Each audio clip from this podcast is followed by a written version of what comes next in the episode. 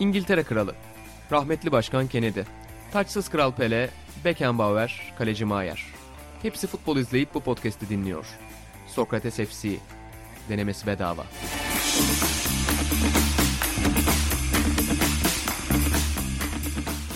Sokrates FC'den herkese merhabalar. Yeni bölümümüzle karşınızdayız efendim. Ben İnan Özdemir, Atan Altınordu ve İlan Özgen'le birlikte bugün teknolojik bir devrimin ortasındayız. Sevgili Cem Pektori ve Furkan Karasoy'un bize saldığı yeni teknik altyapı ile birlikte artık birbirimizi görüyoruz. Mesela sevgili İlan Baba'nın saçlarını kestirdiğini görüyorum yakın dönemde. Doğru mu baba?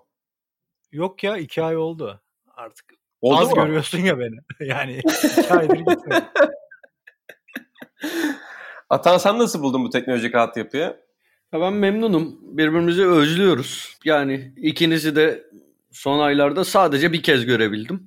Böyle hasret gidermiş oluyoruz. Güzel oldu podcast'i yapmak için bir sebep daha. Artık sizi sadece duymuyorum, görüyorum da.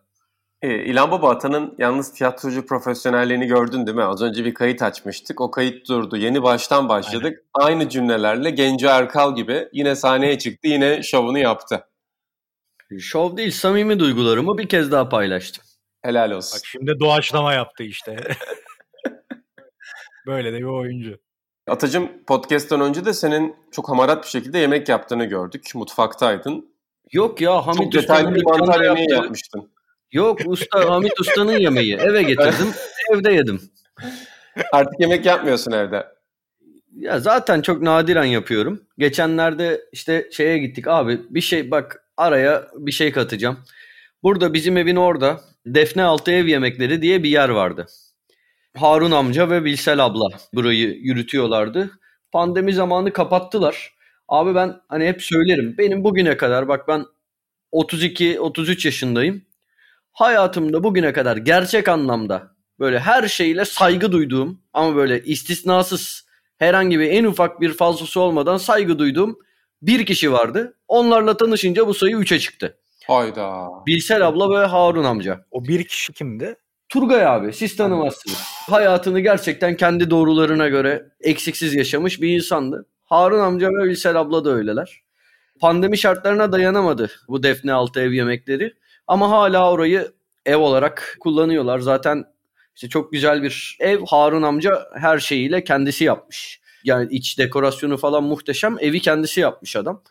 Ve inanılmaz donanımlı biz bu Sencer'le arada işte çaya gidiyoruz. Ya oturuyoruz. Konu nereden nereye akarsa aksın bu ikisini ki kendileri bir işte çift aynı zamanda ikisinin sohbetini dinliyoruz. Geçenlerde kahvaltıya gittik oraya. Biz Defne altında kahvaltı etmeyi çok severdik. Çok çok severdim ben.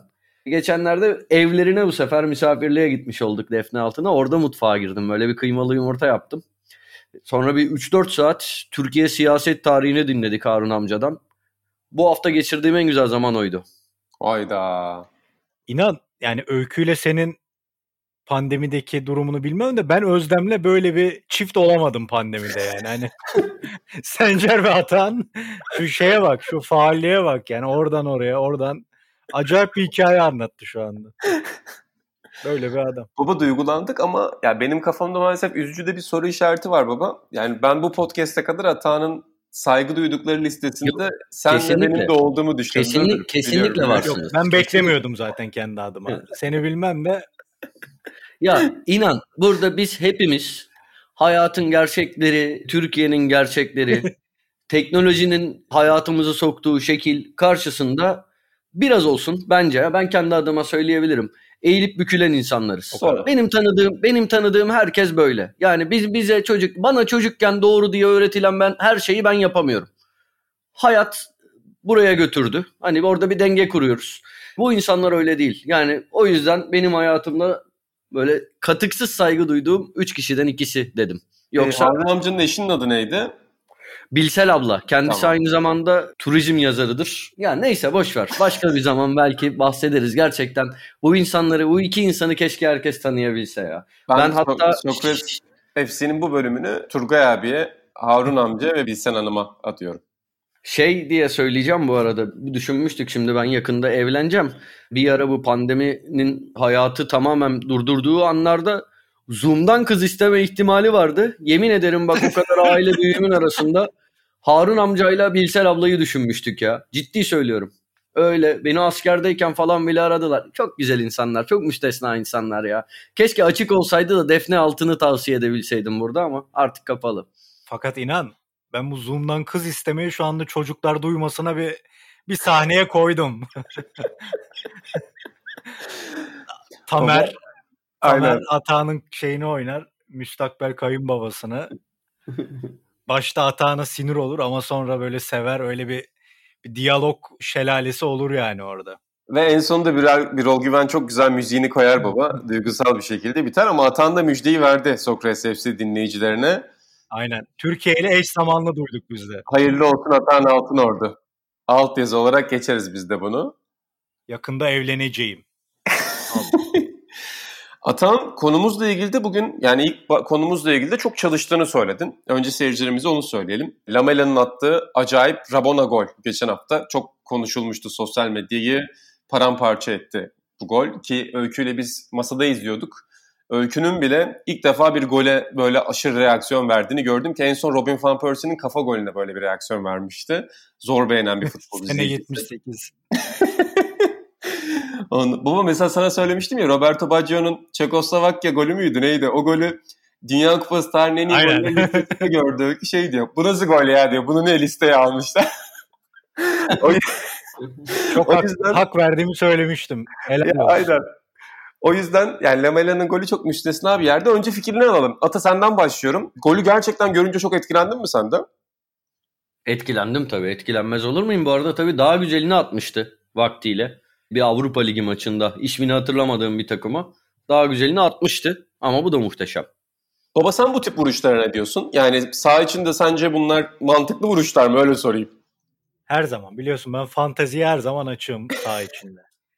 Futbolu güzelleştiren bunlar. Benim tek üzüldüğüm nokta bu golü ben keşke baskı telaşında yanımda Atağın Altın orada otururken bu gole tanıklık etseydik ve o tepkilerini görseydim. Ona üzüldüm. Ah ya ne güzel olurdu ya. Kaan bir yandan, Arhan bir yandan. Hep çok çok özledim çok. Hep söyle her bölümde bunun muhabbeti geçiyor ama vallahi ofisi çok özledim.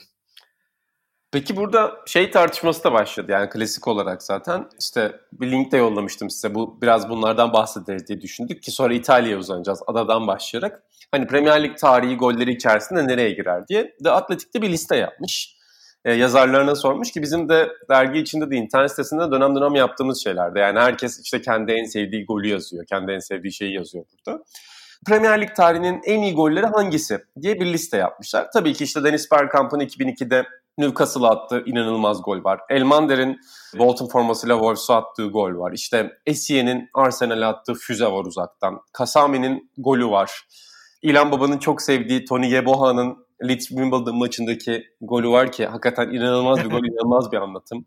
Luis Suarez var.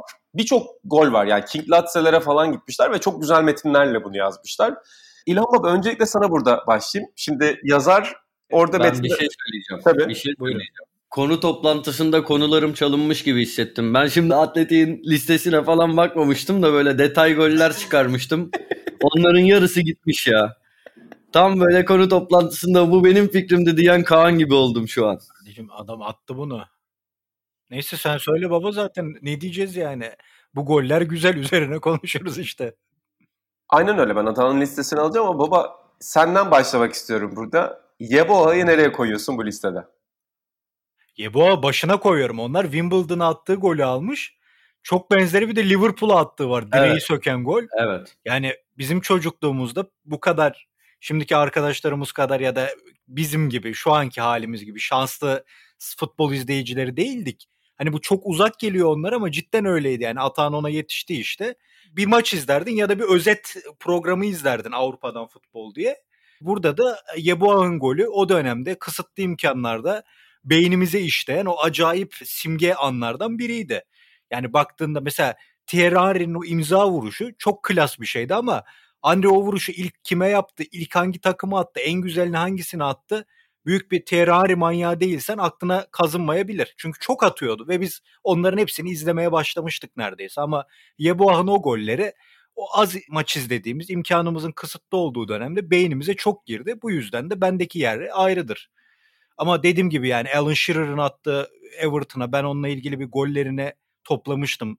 En önemli 10 golümüne yazmıştım. Misal Atan'la oturup bir Shearer golleri izlemiştik o dönem. Yani Everton golüne o zaman da o tepkiyi vermiştik. Şimdi adam oraya yazınca gene aynı tepkiyi veriyorum. Ve sonra güzel gollerden hatta Bergkamp'ın golü gene aklımızı alan bir goldü. Yani gördüğümüz anda televizyonda çıktığı anda uzun yıllar aynı tepkiyi verdik ilk kez izliyormuşuz gibi. Yani ilk üçün böyledir ama Yeboah'ın o golü futbola yeni yeni böyle çok merak sardım. Yani yeni o kadar da yeni yeni değil de iyice alevlendiği dönemde diyelim sevgimin en baş tacı anlardan biridir genel futbol hafızamda. Onun için öyle o açıdan yeri ayrıdır. Yoksa Kasami'nin attığı gol bile acayip yani hakikaten. Benim de PES'te şeyde Master League'de adamımdır. Hem ucuz olur hem her yeri oynayabilir. Kenarda kaldı diye morali de bozulmaz. Kıymetli oyuncuydu. Baba ben o golü hiç bilmiyordum biliyor musun? Yani benim cehaletim olabilir. Şok oldum golü görünce. Hakikaten iyi gol. Yani benim ama ilk üçüm öyledir. Yeboah, Shearer ve Bergkamp. Yani üçü de hakikaten 40 yıl sonra da aynı tepkiyi vereceğiz izlediğimizde. Baba zaten Yeboah'nın golünün metni de çok hoşuma gitti. İşte Adam Hurry yazmış. Ben metni önce onun tweetinden gördüm galiba. Adam şey diye paylaşmış. Ya Premier Lig tarihinin en iyi gollerini tartıştık ama benim golüme çok şaşıracaksınız demiş. Sonra da Metin de çok güzel yazmış yani. Diyor ki daha sofistike Premier Lig golleri var diyor. Bergkamp'ın attığı gol gibi. İşte daha absürt goller var. Giroud'un attığı, Crystal Palace attığı gol gibi. Hatta bunun Leeds United'ın tarihindeki en iyi Premier Lig golü olmadığını söyleyebilirsiniz. Hatta Yeboah'nın en iyi Yeboah golü bile olmadığını söyleyebilirsiniz. Ama benim için gol budur diyor. Yani Premier Lig golü budur diyor. Çok hoşuma gitti. Aynen. Orada Atağan'ın bir numarasını alacağım. Atahan senin için en unutulmaz Premier Lig golü ya da en unutulmaz ilk üç. Bir de şeyi bir de özür dilerim şeyi de ekleyeyim ya. Biz Davor Şüker bölümü yaparken Buğra'yla o gole çıldırmıştık. Sunderland'da attığı bir gol var. O da acayipti yani. Uzak direğe böyle voleyle Şuker de zaten zarif gollerin adamıydı ama yani o Arsenal'de bir dönem işte Henry olsun, Bergkamp olsun, Şuker olsun acayip estetik şeyler oldu diyelim. Atağına verelim. O kadar çalıştı adam. Yok ya ben gollere baktım. Bu kadar bu arada çalıştım hazırlandım dediğim bir 15-20 dakika YouTube'da gezdim. Biraz da hafızamı zorladım. ne yapacağım? Premier Lig şeyin mi arayacaksın? Yönetimini mi arayacaksın?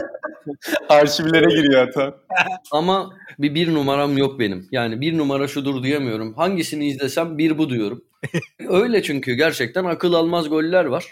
Ama iki golün ben İlhan'a katılacağım. Benim için de yeri ayrı. Biri Yeboah ve Liverpool'a attığı. Gerçekten genelde o listelerde hep Wimbledon var. Bence evet. bir golü en güzelleştiren şeylerden biri üst direkten çizginin içine sekmesidir. O çok özel. Shearer Everton çok çok çok çok özel. Yine benim böyle çok sevdiğim iki gol. Ya ben şimdi mesela Bergkamp'ınki hani inanılmaz ya. Bergkamp'ınkinden daha farklı ama neredeyse o kadar inanılmaz çalımlı Elmander'in bir golü var. Hmm. Wolverhampton'a.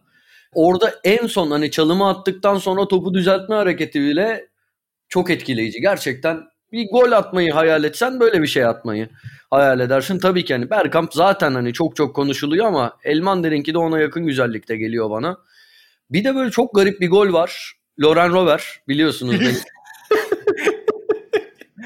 ya şu ya. adamı bağlayın artık şu programa. Senin dünyada senden çok seven biri var. İnan Fransızca bir zahmet. gene, gene geldik herife ya. ya şimdi Loren Robert dünya tarihinin bence en iyi iki frikikçisinden biri. Bunu hep söylüyorum. Juninho ile birlikte Loren Robert. Ee, ama Beckham hadi abi. E, ya Loren Robert başka abi. Ne, rakip yarı sahanın böyle 10 metresini geç o kaleye 40 metre uzaklıktaki her yerden tehlike yani gol tehlikesi. İnanılmaz bir frikikçi ama benim bahsedeceğim gol bence mesela bir frikiğin tarihin en güzel golü olması falan imkansıza yakın bir şey. Robert'inki de frikik değil abi. İşte bu akrep vuruşu dedikleri vuruş. Ama tam akrep vuruşu da değil. Röveşata'ya yatıyor. Sonra yarı yolda o akrebe dönüyor. Fulum'a atıyor. Biliyor musunuz golü? Bilmiyorsanız lütfen açın bir YouTube'dan izleyin siz de övün. Lütfen. Bir yandan ben konu ben konuşayım. Siz Loren Robert Fulham yazın. Açın şu golü izleyin. Yeni teknolojinin de güzelliği bu. Şu anda hemen yazıyoruz. Yayına ses girebilir ama Atan tabii senin için yapacağım. Ben şöyle bir araştırmaya girdim Atan. Sen Laurent Robert deyince ben hep Laurent Robert'in Wikipedia sayfasına giriyorum. Önce çünkü ya bu adam kim tekrar bir hatırlamak lazım. 23 golü var Premier Lig'de. 23 golü var bu Premier Lig'de. Kasami gerçekten Premier Lig tarihinin altın karmasında yer alır yani. Ne olacak? Robert önemli bir isim. Ya, Oğlum, ya Kasami'ye niye kızdın şimdi? Aynen. Burada çok ünlü olmasına gerek. Ya bu arada ha, kamerada anladım. ilginç bir şey var. İl, İlhan Toprak Sağ gibi yine. Renkleri değişik. Siyah beyaz. Farkında mısın İlhan? Allah Allah. İlhan'ı siyah, siyah beyaz görüyoruz Toprak Sağ sayfaları gibi. Allah Allah. Öyle mi İlhan? Vallahi çok hoş. Yok bu ben de şu an iyi. Ben şu an Laurent Robert'in golüne bakıyorum. ha, e, aynen oradayım ben de. Ettim. Wonder Hakikaten Strike. Güzel. Hakikaten güzel Çok çok güzel. Ama burada bak 20 dakikadır konuşuyoruz. Bir kere Lötişye demedik. Evet. Yani biraz da Lötişye'den bahsetmek lazım. Zaten başka bir numarası yok. Güzel gol atıyor yani evet, hakikaten. Evet ama yani böyle Premier Lig tarihinin en iyi 20 golünü seçsen oraya 3-4 golle katılabilecek bir oyuncu. Bir tanesi Manchester United'a özellikle o ve bir de Southampton'a attığı bu iki gol. Ya Lötişe ile ilgili biz Buğra ile bir program yapmıştık. Ferdinand'dan yorum aldık. Ferdinand şey diyordu Ata'nın dediğine destek olmak için. Ya sezonun 10 golü seçiliyordu. 6-7'si ona aitti. Bazen onu da ona ait oluyordu diye. Cidden adam oyunun içinde kayıp. Bir kere İngiltere futbolunda nerede oynayacağı belli olmayan bir adam ama attığı gollere baktığında cidden bu adam neymiş diyorsun. Çok güzel golleri vardı. Çok güzel ya bayağı güzel. Baba şey serisinde konuştunuz değil mi onu? Gölgede Kalanlar serisinde evet, konuştunuz. Evet. Hani az milli takımda oynamış, kulübünden dışarı çıkamamış falan neden öyle olmuş filan. O babda o çerçevede konuşmuştuk. Ama cidden golleri muazzam. Atan doğru diyor. Belki burada yazarların yazdığı bütün golleri 3'te 5'te çarpar. Bir tanesinde sadece Lotisia vardı. Hı hı. Cidden acayip goller atıyor adam. Yani atıyorum 25 metreden bilardo gibi vuruyor topa yerden hiç kalkmadan tam köşeye. Acayip Atağ'ın bahsettiği golü çalım golü işte. Gascoigne'inkine dripling halinde atıyor. Gascoigne'in İskoçya'ya attığı golü filan. Çok fazla öyle golleri var ama mesela yıldız olduğu bir maç var. Manchester United maçıydı galiba. Sahada hiçbir şey yapmıyor ama iki tane gol atıyor. Bir anda sahanın yıldızı oluyor. Ya, o açıdan zahmetli bir oyuncu ama estetik olarak attığı goller cidden inanılmaz. Baba bir de öyle bir isim var ki yani o isim zaten sahada 10 dakika koşsun bir tane gol atsın yeter. Zaten marka yaratmak için yapılmış bir isim yani. Tam İngilizlerin işine gelecek isim. MLS. Bu arada şu an bir şey fark ettim. Şimdi Lotisi'nin Newcastle golü bu listede. Atağ'ın bahsettiği gollerden biri Yok, oldu galiba. Ben Manchester United ve Southampton. Benim ha United iyi... mı dedim? Ben Newcastle United diye şey yaptım. Özür dilerim. Yok Man- Manchester United ya. Evet. Newcastle golü de ünlü hata. Şimdi Luis Suarez'in Newcastle var. golü mesela bu listede var. İşte Dennis Bergkamp'ın Newcastle golü bu listelerde var. Ya Gerçekten şey bu arada bir şey diyeceğim. Atmış. Tabii ki tabii ki Newcastle ya. Southampton zaten şey. Evet evet kendi takımı zaten. Kendi takımı pardon. Tabii ki Newcastle'a attığı golü sektirerek. Hmm, işte aynen. Bu arada gerçekten Newcastle'a atılan çok çok güzel goller var. Öyle hakikaten öyle. Newcastle'lı oyuncuların attığı çok güzel goller de var. Hatta bir tane detay bir şey söyleyeyim mi? Tabii. Newcastle'ın Manchester United'ı 5-0 yendiği bir maç var.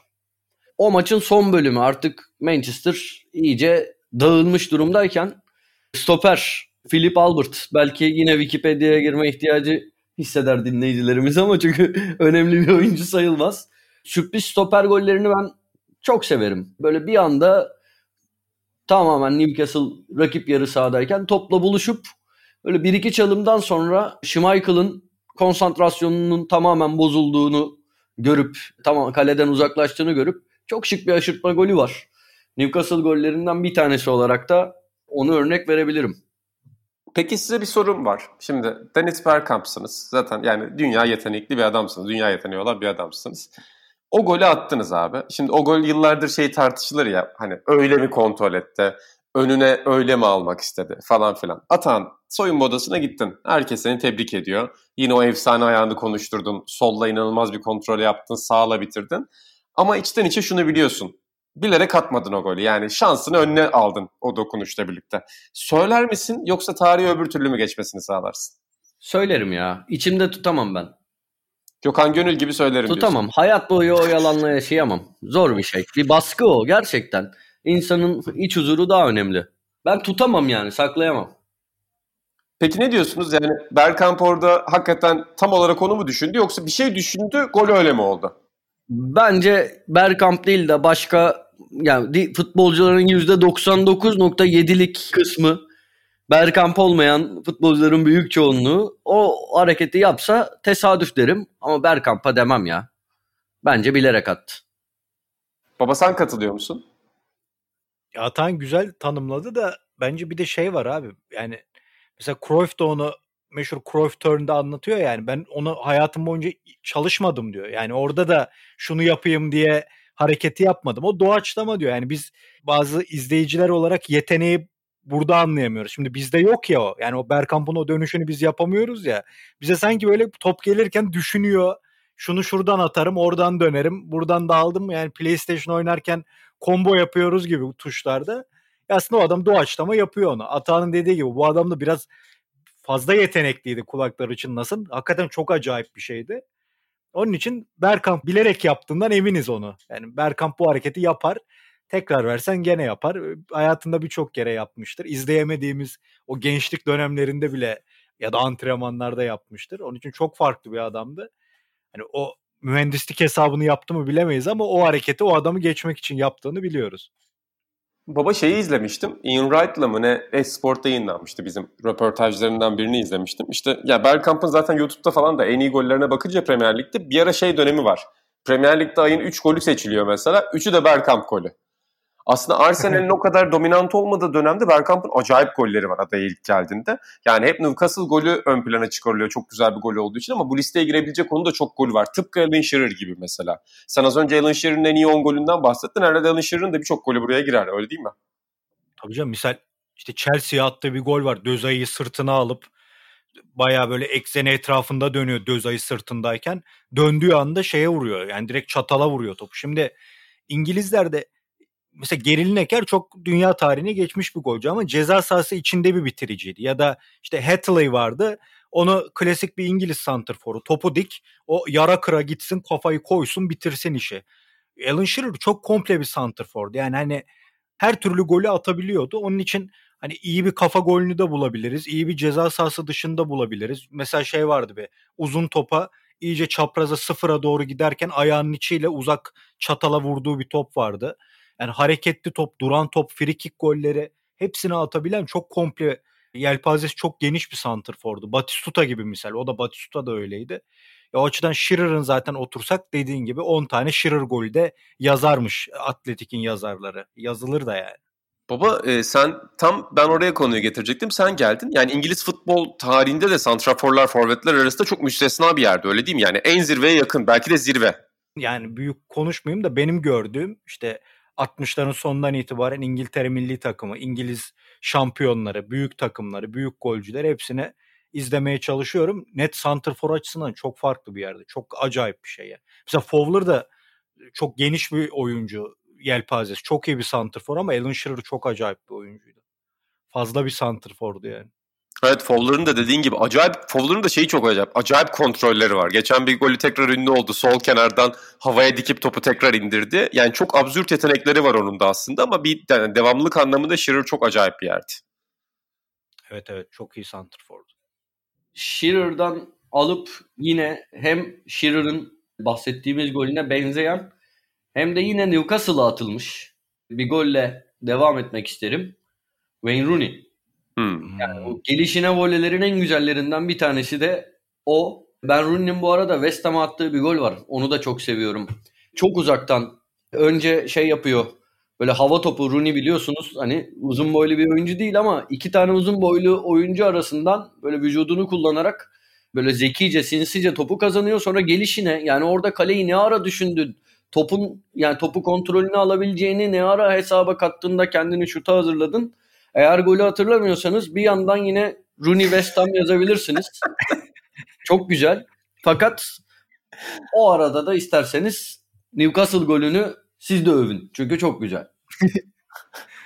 Şu an postmodern bir futbol tarihi turuna çıkardı bizi. Bir yandan açtırıyor. Acayip. Dur baba West Ham golüne bakıyorum. Ödevime Bak, bak İlhan çok güzel. Çok güzel. Ata bu arada The Athletic'teki listede şey de benim hoşuma gitti. Bu meşhur Wilshere'in Arsenal bilardo golü var. Herkese sırayla paslaştı. En son Giroud'un indirdiği, tekrar Wilshere'in bitirdiği. O da acayip bir gol. Hatta seyircilerimiz belki hatırlar. Ben bir kere Sokrates FC'de Sokrates'in halı saha tarihinde benim atacağım en güzel golünden bahsetmiştim. Böyle verkaçlarla rakip sahaya gittiğimiz. İşte o Arsenal golü yani. Wilshere'in attığı gol onun gol olmuş versiyonu. Biz çok daha yeteneksizler olarak onu yapmaya çalışıp böyle bilardo gibi yapıp son vuruşta benim beceriksizliğim. Şey değil mi takım golü. Hı? Takım golü. O, Aynen. O, o, takım golü değil mi? Evet. Harika gol ya. Gerçekten. Hakikaten harika. Gerçekten. Bizde böyle bu podcast bir garip oluyor. Golleri sayıyoruz sayıyoruz harika diyoruz. Peki Atan sana bir soru. Buradan İtalyan futbolunun haleti rüyesine doğru geçeceğim babayla birlikte ama merak ettiğim için soruyorum. İkinizden de bir gol isteyeceğim. En iyi gol değil. Atmak isteyeceğiniz gol Premier Lig tarihinden. Yani en iyilerden birini de seçebilirsiniz ama şu gol benim olsa en iyisini, yani bu, bunu isterdim dediğiniz gol. İlhan senin hazır bir cevabın var mı? yani yok öyle bir cevabım da ya. ya Agüero muydu City Evet şampiyon onu, diye, onu diyecektim. O olabilir İşte gerçekten. bir hanedanlığı başlattı bir yandan. Yani hanedanlık demeyelim de City böyle bir takım değildi. O şampiyonluktan sonra yavaş yavaş üstlere çıktı ama ya dediğim gibi Bergkamp'ın golünü ben her türlü isterim gene ya. Yani popülistik falan olmasın çok acayip bir şeydi o. Yeboah Yeboah atamam yani o ne olur. hani Bergkamp kadar yetenekli olabilirim. Belki sihir mihir okutup kendimi ama Yeboah kadar güçlü olamam ne olursa olsun.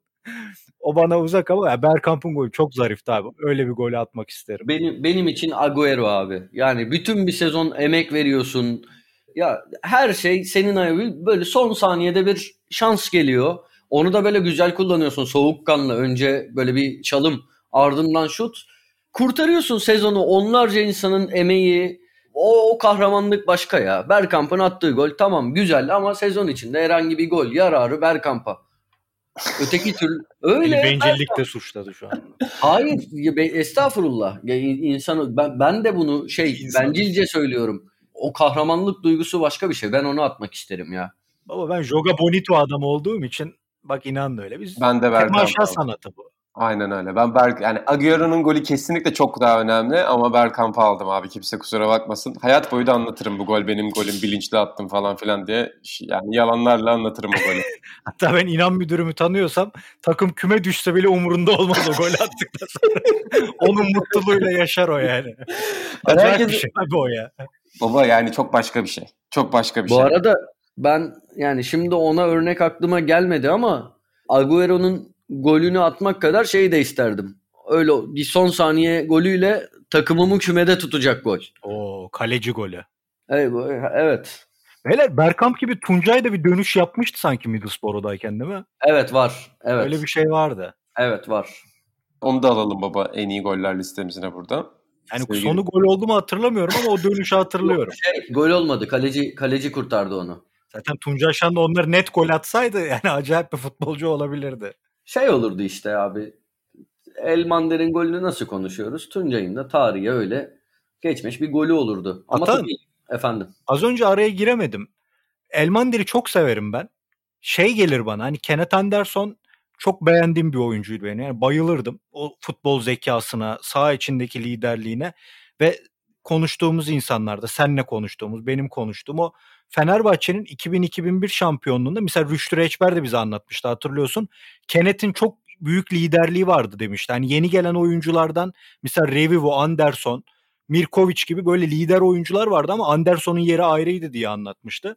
Bana da Elman Derepo stilin bayrak taşıyan adamı santrforu gibi gelir. Yani Galatasaray'ın şampiyonluğu ben o kadar hakim değilim tabii Atan daha iyi bilir ama oralarda böyle saha içi lider olarak ya da antrenörün sağ kolu olarak o spor ahlakı olsun, takım bilinci olsun. Ben öyle santrforları, o bilinçteki oyuncuları çok severim. Elmander de bana göre e, İsveç modelinin o tarafının bir temsilcisiydi. Buradan selam yollayalım futbol emekçisi İsveç'te. Hem başta ya senin de söylediğin gibi karakter olarak, sporcu ahlakı olarak çok iyi bir örnek. Hem tabii tecrübesiyle o kariyerin ilerleyen dönemlerinde tecrübesiyle de doğal bir liderliği oluyor. Hem de ben hani bu tarz futbolcuların ön tarafta gösterdiği o hani bitmek tükenmek bilmeyen enerji, mücadele, hakikaten kendini paralaması her zaman ben tüm takıma olumlu etki ettiğini ve şeyi orada herhangi bir futbolcu olsam ki herkes sonuçta öndeki adamı görüyor. Herkes ona dönük oynuyor. En önde o var. Futbolcu onu gördükçe daha fazla mücadele etmeye kendini şartlar. Önde böyle mücadele eden birini gördüğünde. Öyle. Severdin yani sen de Elmander'i. Severdim tabii canım. Yani şey bir de sağlığını falan tehlikeye atıp Aynen. oynayan ki bu bu yönde sakatlanan, sakat sakat mücadele eden özel bir futbolcuydu. Özel de bir insandı gerçekten çok pozitif. Yakışıklı da bir futbolcuydu. O özellikle. Benim Türkiye'de gördüğüm en yakışıklı 4-5 futbolcudan biri. çok çok yakışıklı, çok üst Allah düzey. Allah. Çok üst düzey yakışıklı. Üst düzey. E, öyle değil mi abi? Çok üst düzey yakışıklı. Katılırım. Ama Vedat senin bir numarandır değil mi? Ya Vedat Türk futbolcular için de Anladım. olabilir. Yani var başka. Bir günde en yakışıklı futbolcular podcast'i yaparsak konuda söyleyecek çok sözüm var. Hemen yapalım. Ona boş ver Serie A'yı ya. Ona dön inan. Atağının söyleyecek sözü varsa onu konuşalım. Boş ver. Yani. istediğin isimler varsa alalım biz senden en yakışıklı futbolcuları. Konuşuruz konuşuruz. Başka gün bir, bir 10-15 dakikamızı buna ayıralım. Konuşuruz konuşuruz. Baba harika. Benim gördüğüm en yakışıklı topçu Cinola'dır. Bunu hep söylerim yani. Söylüyorsun da Katılmıyor musun? Hayda. En, en, en olduğuna katılmıyorum. Hiçbir Anladım. zaman katılmadım ama Mesela baba Cemre şey demişti hatırlıyorsan bu mu yakışıklı? Hani sen öyle bir tepki vermiyorsun en azından. Yok yakışıklı adam yani Allah vermiş yani çok yakışıklı da ene katılmıyorum en diyemem. Yani seyirciyi de dahil edelim burada. Yani önümüzdeki bölümlerde Atahan'dan bir söz. En yakışıklı futbolcuları inceleyeceğiz önümüzdeki bölümlerden birinde. Atahan Altın orada special bölümü. O bölüm öncesinde de seyircilerimiz hem Premier Lig tarihinde en sevdikleri golleri bize yazabilirler. E, Sokrates Podcast hesabında hem de e, Atahan'a yol göstermesi açısından en yakışıklı buldukları futbolcuları yazabilirler burada. Listelerinizi de bekliyoruz efendim bu konuda. Biraz daha tatsız bir tarafa geçeceğiz baba şimdi. Yani İngiltere'den başladık ve İtalya'ya uzanalım dedik ki sen e, senle bu sene birkaç kere Serie A üzerinden özellikle zirve yarışı üzerinden bir sohbet etmiştik ama sen Fabio Capello'nun bu hafta bir açıklaması olduğundan bahsettin. İşte İtalya'daki bu sezonun genel durumu itibariyle. Evet. Reha Erus gibi seni konumlandıracağım baba şimdi. Bize İtalya'dan nasıl haberler getirdin? Ya bu uzun süredir aslında benim konuşmak istediğim bir şeydi podcast'ta ama yani çok eğlenceli konularımız olduğu için açıkçası hep şey yaptım yani ha, ya aman boş ver şimdi konumuzu uzatalım da Serie A'ya girmeyelim. Hani hiçbir zaman şeyim olmadı. Ulan bizim Serie A arada kaynadı gibi. Gerçek işte ver yansın etmedim. Aynen yani. tamam Serie A'yı seviyorum, izliyorum ama bu şundan kaynaklı bir şey. Yani ben dünyanın en iyi ligi açık ara Serie A demiyorum. Benim ilgim var, tarihine ilgim var. Ama şey olmasın yani bu hani ya ben Serie tarihine ilgim var her şeyi izliyorum da 2018'de 20 arası yok bende abi. Güzel değildi izlemedim. Yanlış bir şey olacağı için bir anda mesleki bir de dergide bir konu olduğunda sen olsun Caner abi olsun İtalya ile ilgili hemen bana ucu dokunacağı için işim gereği de takip etmek durumundayım. Bundan dolayı izliyorum. Yoksa insanlar yahu Almanya'yı nasıl izlerler İtalya varken gibi bir şey de değilim. İnsanların atağının futbol görüşü farklı. Az önce de anladık. Yani Atahan şampiyon yapan golü isterken biz seninle kendimizi şımartmak için bir gol seçtik Aynen. yani. Ama ben bile... şampiyon yapıp ben yine kendimi şımartırım. Yok yok yani ya şaka yapıyorum da futbola bakışımız farklı yani herkesin farklı. Biri İngiltere'yi seviyordur ben İtalya'yı seviyorum falan. Yani ben bu ya futbolu bilen de Premier Lig izler abi şeyine biliyorsunuz zaten hiç katılmadığım bir durum. İtalya Ligi'ni izliyorum ve daha önce dergide de sezon öncesi yazılarda yazmıştım. Her sene bir İtalya Ligi yeniden doğuyor mu? Yeniden eski İtalya olacak mı diye bir kalıp oturdu artık. Özellikle Ronaldo transferinden bir Şampiyonlar Ligi şampiyonu çıkarıp ayağa kalkacaklar mı diyoruz. Roma'nın yarı finalinde benim için çok önemlidir. Almanlarda da aynı şekilde, İtalyanlarda da bence gerilemelerin esas sebebi bu küçük şampiyonlar çıkarmamalarıydı. Alman Almanya'da bir Bayern Münih gerçeği var ama eskiden Borussia Dortmund gibi Schalke 04 gibi takımlar ikinci UEFA kupası için misal önemli güç ya da Şampiyonlar Ligi'nde yarı final, final şampiyonluk çıkaran takımlar oluyorlardı. Bu takımları kaybettikleri için e, bu iki ülkenin İngiltere ya da İspanya ile 2010'lu yılların sonuna giremediğini düşünüyordum. Almanya bir türlü ayağa kalkmaya başladı öyle böyle hala bir Bayern Münihleri yok ama en azından kıpırtı var. En azından bir yıldız çıkarıyorlar ama İtalya'da Sezonlar geçtikçe bu durum ufak kıpırtılar gösterse de o kıpırtı büyük bir şeye dönüşmüyor bir türlü. Harekete dönüşmüyor. İşte geçtiğimiz sezon Lazio'yu, Atalanta'yı, özellikle Atalanta çok umut vadeden işler yaparken bu sene gerilediler. Sorunlar yaşadılar. Lazio aynı şekilde. Belki de son 4 yılın en formsuz takımını görüyoruz ki onlar bile Şampiyonlar Ligi'nde Dortmund'u yendi. Bayern Münih çıktı. Ne yapsınlar? O elden bir şey gelmez. Bir şey diyeceğim İlhan. Yanlışsam düzelt. Ya aslında Inter bu kadar anormal bir grafik çizmese Atalanta şampiyonluğa oynayacak kadar ya hem benim gördüğüm iyi futbol oynuyor hem de sonuç alıyor. Yani Atalanta ya işte Inter'i normal bir puana çek zaten şampiyonluk mücadelesinin içinde olurdu. Yanlış mıyım? Yok baba ya. Yani oyun içinde o kadar savunmada dedikleri var ki bir de şeyde de söyle şunun adını hücumda da bazı tıkandıkları, çözüm bulamadıkları yerler oldu. Ya geçen seneki Atalanta bence Real Madrid'i ilk maçta götürürdü en basitinden. Ama yani çaresiz kalmış evinde yakaladığın bir takım tamam 10 kişi kaldın şunu yaptın bunu yaptın da yani her türlü o Real Madrid'e bir sorun çıkarırdı o Atalanta. Bu sene yani üzerine koyması gerekirken aynı yerde devam ediyor diyelim. Tamam iyi futbol oynuyor bir şey demiyorum ama ben hep şeye de karşıyım. Yani Gasperi'nin Sakki'nin değerlerini taşıyor. Hayır abi yani Sakki'nin takımında bir kere çok kıymetli bir savunma temeli vardı. O dörtlü tarihe geçen bir dörtlü. Yani bugün saydığında örnek dördü de.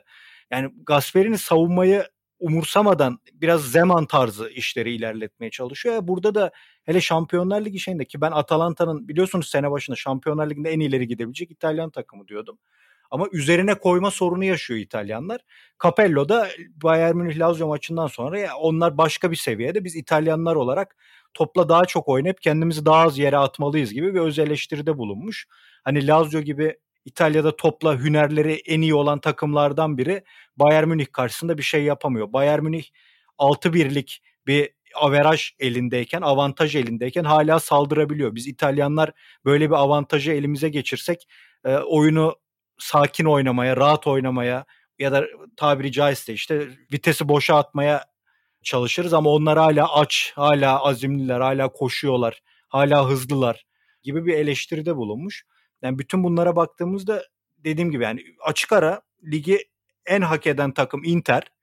Kadrosu iyi, bir planı var falan ama Inter'i Şampiyonlar Ligi'nde gördük ne kadar aslında bütün dünyanın gerisinde olduğunu ve dördüncülüğe kadar bütün takımlar rahatça ondan puan aldı neredeyse. Hani evet hakikaten bence kadrosu muazzam. Lukaku gibi açık ara ligin MVP'si bir oyuncuya sahipler. Muazzam bir sezon geçiriyor.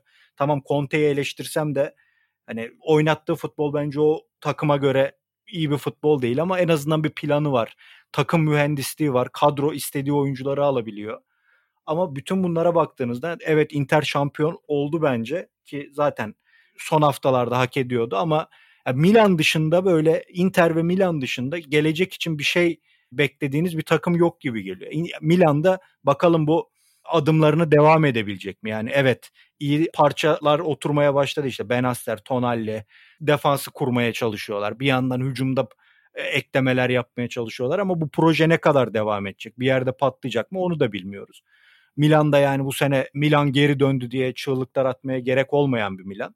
Sadece tamam ilk dörde kapağı attık. Bundan sonra buradan devam etmeli kafasında olmalı bence. Ama gerisine baktığımızda yani Almanların yükselişine, İngilizlerin zirvede oluşuna tamam İspanyollar çöküyor ama zaten 15 yılı domine etmişler. Daha bir ara çökecekler de elbette. E, İtalyanlar Juventus'ta bir bayrak taşıyan takım bulmuştu. Tamam. Ama onlar geriledi artık. O da normal bir düşüş bence. Zaten bekliyordum ben ama öbür taraftan alttan gelen takımların ya bir an önce gelmesi lazım ya da bir 2-3 sene daha İtalyanlar gene bu turlarda elenip gidip en fazla UEFA'da işte şimdi Roma ile Napoli ne kadar gidecek o da meçhul. Yani onlardan bir şey bekliyorsun. Mesela Roma'ya hiç şey kazanamıyor Roma. Büyük maçların hiçbirini kazanamadan Şampiyonlar Ligi potasında hala yani baktığında. Onun için yani Atalanta geçen seneki Atalanta olsa mesela Atağan'ın dediği doğru ya şampiyonluğu cidden zorlayabilirdi ama onlar da ya bir de şeyi de eleştirmek istemiyorsun burada. Ya bunlar çok sistem oynayan takımlar korona döneminde işte Hı-hı. oyuncular bir anda 7 oyuncu atıyorum pozitif çıkıyor. Haydi sistemi değiştiriyorsun. Ne maç temposu, antrenman temposu yani planlar alt üst oluyor. Belki bunun da etkisi vardır bu formsuzlukta. Onları bilemeyiz tabii ama genel olarak yani bir Serie A izleyicisi olarak belki de son 5 yılda en keyifsiz izlediğim Serie A sezonu olabilir bu.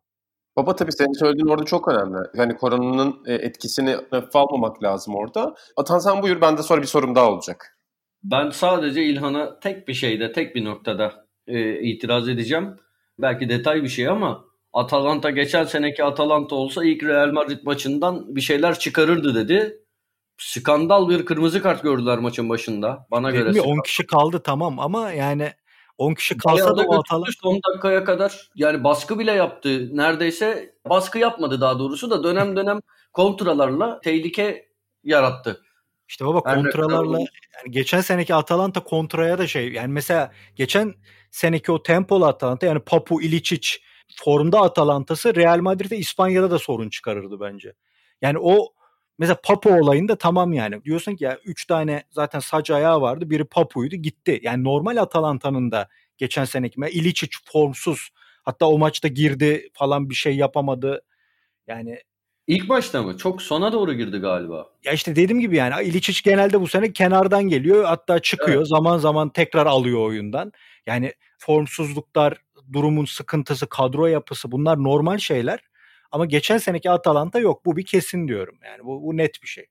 Tamam. geçen sene onu- çok onu- bitirici yani misal acayip maçlar oynadılar geçen sene o açıdan.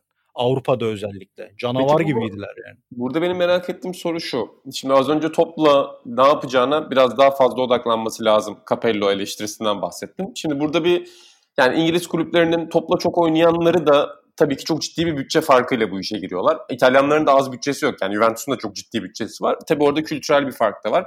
Gerçekten İtalya'nın böyle kökleşmiş bir sorunu var mı sence? Yani topa sahip şimdi son çünkü 10 yılda falan şey istatistiği çok arttı. İşte %60 toplu oynama, %70 toplu oynama.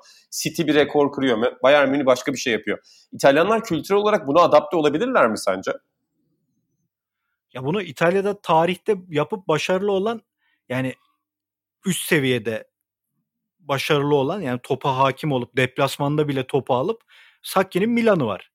Onun dışında hücum oynuyor dediğin birçok İtalyan takımı bile zaten büyük turnuvalara baktığında şey takımı yani hani orada bakalım işimize de adamları uyutalım da evimizde işimizi bitiririz takımı. Dediğin gibi yani. Ama ben bu durumda şunu eleştirebilirim bir tek Capello'nun dediğinde. Ya, Capello kendisi de savunmacı bir antrenördü. Sadece Barcelona'yı 4-0 yendi diye çok hücumcu diye hatırlıyorlar. Hayır yani Milan'ın 30 gol atıp falan şampiyon olduğu sezonlar var. Ama eskiden savunma futbolunun fikrini de İtalyanlar veriyordu. Yani baktığında Catenaccio diyorsun, işte Gioco alla Italiana diyorsun, Zona Mista diyorsun. Yani savunma futbolu oynayacaksan İtalyanların yazdığı kitabı okuman gerekiyordu. Abi son 20 yılda Mourinho ile Simone yazıyor o kitabı zaten yani. Gene bir işte Conte'yi biraz deniyorsun ama Conte'yi Conte yapan savunmaya çektiğindeki Conte değil. Ön alanda pres yapıp topu ani kapan takımlar onu yani stili onu meşhur yaptı. Ama savunma futbolunda da İtalyanlar bir şey yapamadı. Yani bir öncü, bir antrenör çıkaramadılar. Baktığında Allegri diyorsun. Tamam işte Capello da onu diyor. Allegri'ye küfür ediyorlardı ama final oynattı diyor. Ama Allegri'nin takımı da böyle ölümcül bir savunma takımı değildi yani. yani Simone'nin Atletico Madrid'i gibi bir iz bırakmadı bence Avrupa futbolunda. İtalyanlar bence o Chiellini de eleştirmişti onu birkaç yıl önce.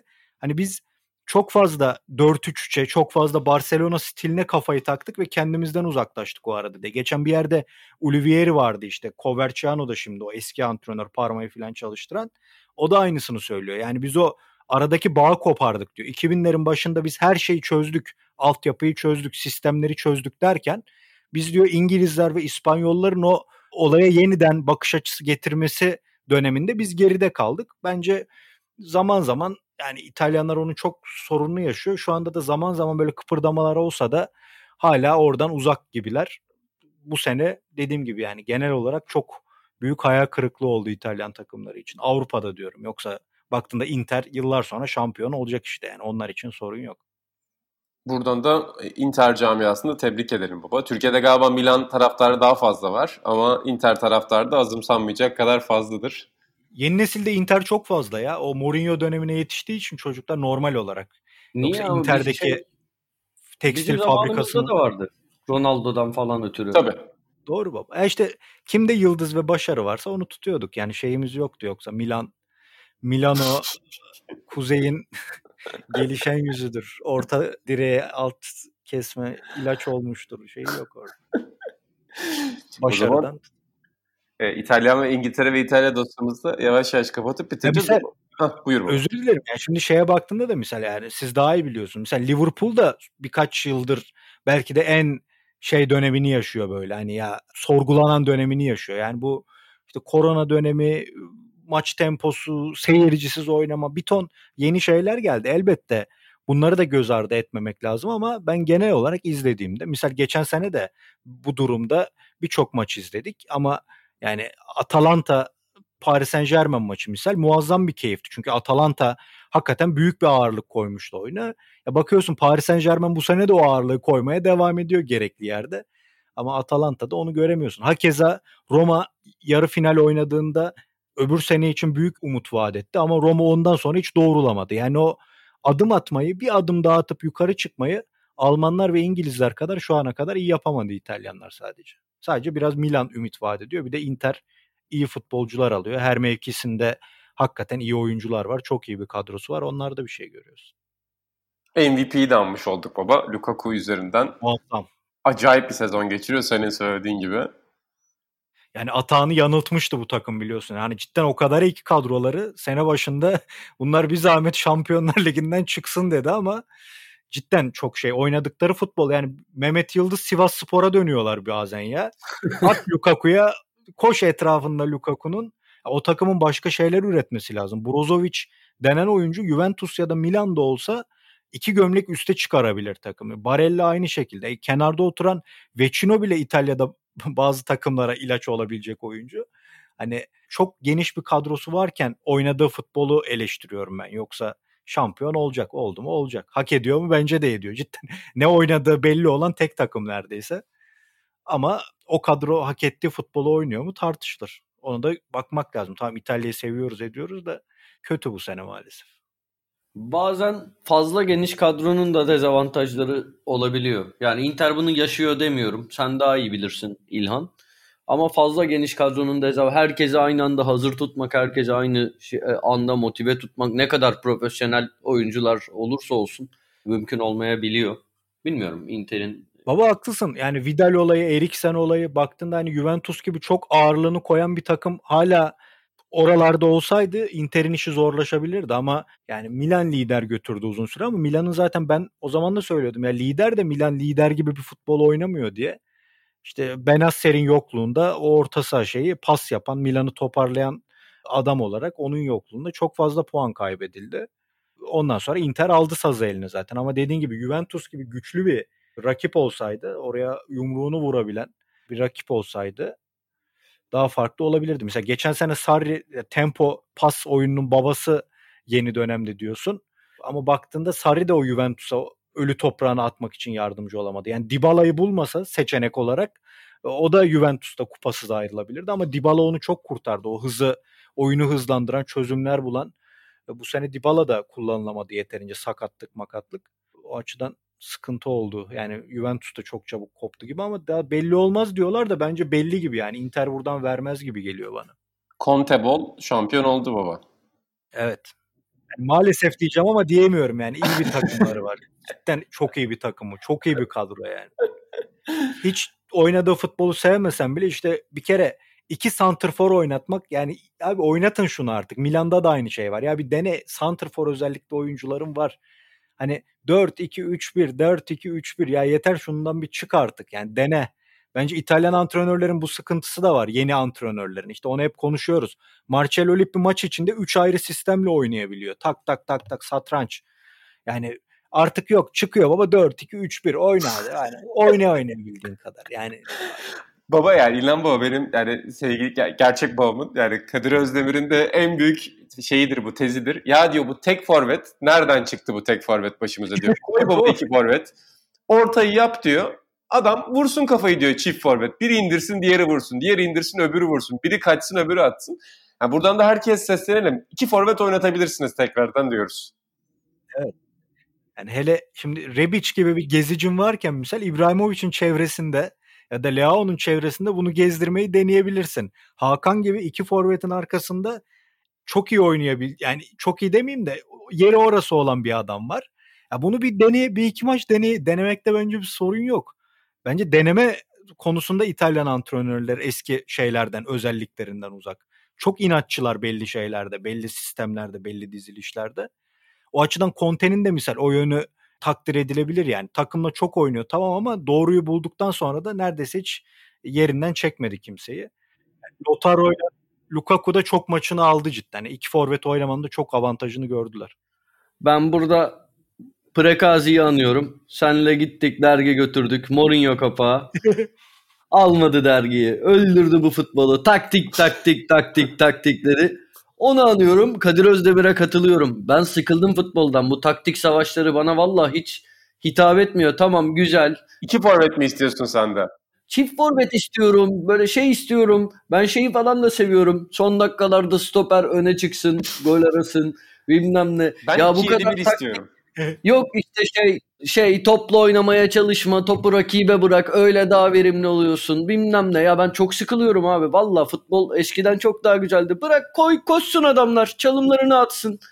Ben sıkıldım. Çok sıkıldım. Gerçekten zevkli. Bak hani burada gerçekçi konuşmalar yapıyoruz bazen. Türk futbolunu konuşurken işte Türk futbolunun dünyadaki taktik devrime adapte olamadığı, geç kaldığı, futbolun kalitesinin kötüye gittiğini falan konuşuyoruz. Ama en geneline baktığında ben gerçekten bu kadar tak futbolun bilim olmasından falan çok acayip sıkıldım ben. Rakamlar konuşuluyor sürekli. Şunun istatistikleri şu bu kadar koştu bilmem ne. Ya abi ben bunlarla ilgilenmeyi istesem mühendis olurdum. Hiç şey yapmadım. Valla ben sıkıldım bu işten. Bu işin cılkı çıktı artık tamamen yani işin bilime dönmesi beni sıkıyor. Keşke Kadir Özdemir'in istediği futbolu sahalarda görsek. Babam da podcast'i dinliyor şimdi. 2-3 kere adını anılmasına şey yapacak ama olsun. Yani utan, utandırmamış olalım. Çok Doğruları söyleyenin arkasındayız diyoruz. Aynen Chief Forward'ın ya öyle yani, Atan doğru söylüyor şimdi. Mesela Lazio'yu seviyoruz, ediyoruz. Yani niye Luis Alberto ile Immobile'nin uyumundan bahsediyorsun? Burada Lotaro ile işte Lukaku'dan bahsediyorsun. Yani gene bir yandan diyorsun ki 10 numaralar bitti ama Luis Alberto eski 10 numara gibi oynayınca sana zevk veriyor işte. Bir yanda iki forvet artık kullanılmıyor diyorsun. Ya oynayan adam gene şampiyon olacak işte. Yani bence antrenörler bunları değerlendirdiği zaman büyük antrenör olma yolunda ilerliyor. Yoksa 4-2-3-1, 4-2 bir ara şey vardı ya Fenerbahçe 4-2-3-1 oynar abi. Hatırlıyorsun öyle bir Daum'un koyduğu bir yazısız kural gibiydi. Yani ben bunu anlamıyorum. Ya bir antrenör birçok sistemde takımını oynatıp başarılı olabilir. Denemek lazım. Ama orada işte taraftarlar da değişti o açıdan. Atağının söylediği gibi. Yani çok fazla o konulara kafa yoruluyor, çok konuşuluyor. Bir yandan antrenöre de hak veriyorsun ama dediğim gibi İtalyan antrenörler üzerinde konuşursak o çözüm bulma, maçın içinde müdahaleyle oyuna müdahale etme diyelim ufak hamlelerle o açıdan bence eski antrenörler en büyük farkı oydu. Özellikle Lippi, Trapattoni gibi hocalar. Çok teşekkür ediyorum ben de size burada. Yeni formatımızda ilk podcastimizi kaydettik. Ben İnan Özdemir, İlan Özgen ve Atahan Altınordu'yla bu podcastimizi yaptık. Atahan da şu anda mutfaktan katılıyor galiba bize. Mutfakta mısın Atahan? Ha yok salondasın. Yo, niye mutfakta salondasın. olayım onu nereden çıkardın? Salondasın salondasın. Tamam ben Salondayım. arkadaki camı karıştırdım. Salondasın. Sencer'e de çok selamımızı yolla. Ha o şeye bakıyor, mutfağa bakıyor. Sencer duyguya çıktı ya. Podcast yapınca ben sıkılıyor. Hayda. E ne yapsın adam sessiz olmak zorunda. Çıktı duyguyu. Aleyküm selam ileteceğim. Bütün dinleyicilerimize de mesajlarını bekliyoruz dediğim gibi. Goller konusunda bize yazabilirler. Yakışıklı futbolcular konusunda yazabilirler. İtalyan antrenörler Bak, konusunda Bir şey diyeceğim. Tabii. Goller konusunda çok anmadık. Çünkü öyle olağanüstü güzel golleri yok ama yakışıklı futbolcularda bari bir büyük golcüyü Owen'ı analım. Analım ilerleyen haftalarda. Anladım. Alır mısın yakışıklılar içine? Alırım alırım. Güzel güzel yakışıklı. Öyle çok fiziği miziği öyle uzun boylu falan değil ama güzel. ben bir şeyle bitirmek istiyorum abi. Bak bu fizik boy deyince ben çocukken abi Türkiye'nin ideal erkeği seçilmişti biri. Ne böyle çok yakışıklı ne boyu var ne şeyi ama böyle ortalama tipin en güzeli seçilmişti. Sinan Özen. Böyle bir anıyla bitirmek istiyorum. O hangi gazete seçmiş onu? Yo bayağı konuşulmuştu baba. Böyle artık bir konsey toplanmış herhalde. Seçmişler. İdeal erkek Sinan Özen. Evet. Selamımızı da iletiyoruz buradan kendisine. Podcast'ın başından beri birçok önemli insana selam ettik ama tekrar Turgay abi Harun amca ve Bilsel Hanım'a adayalım bu bölümümüzü. Sokrates FC'nin yeni bölümlerinde görüşmek üzere diyelim efendim. Hoşçakalın.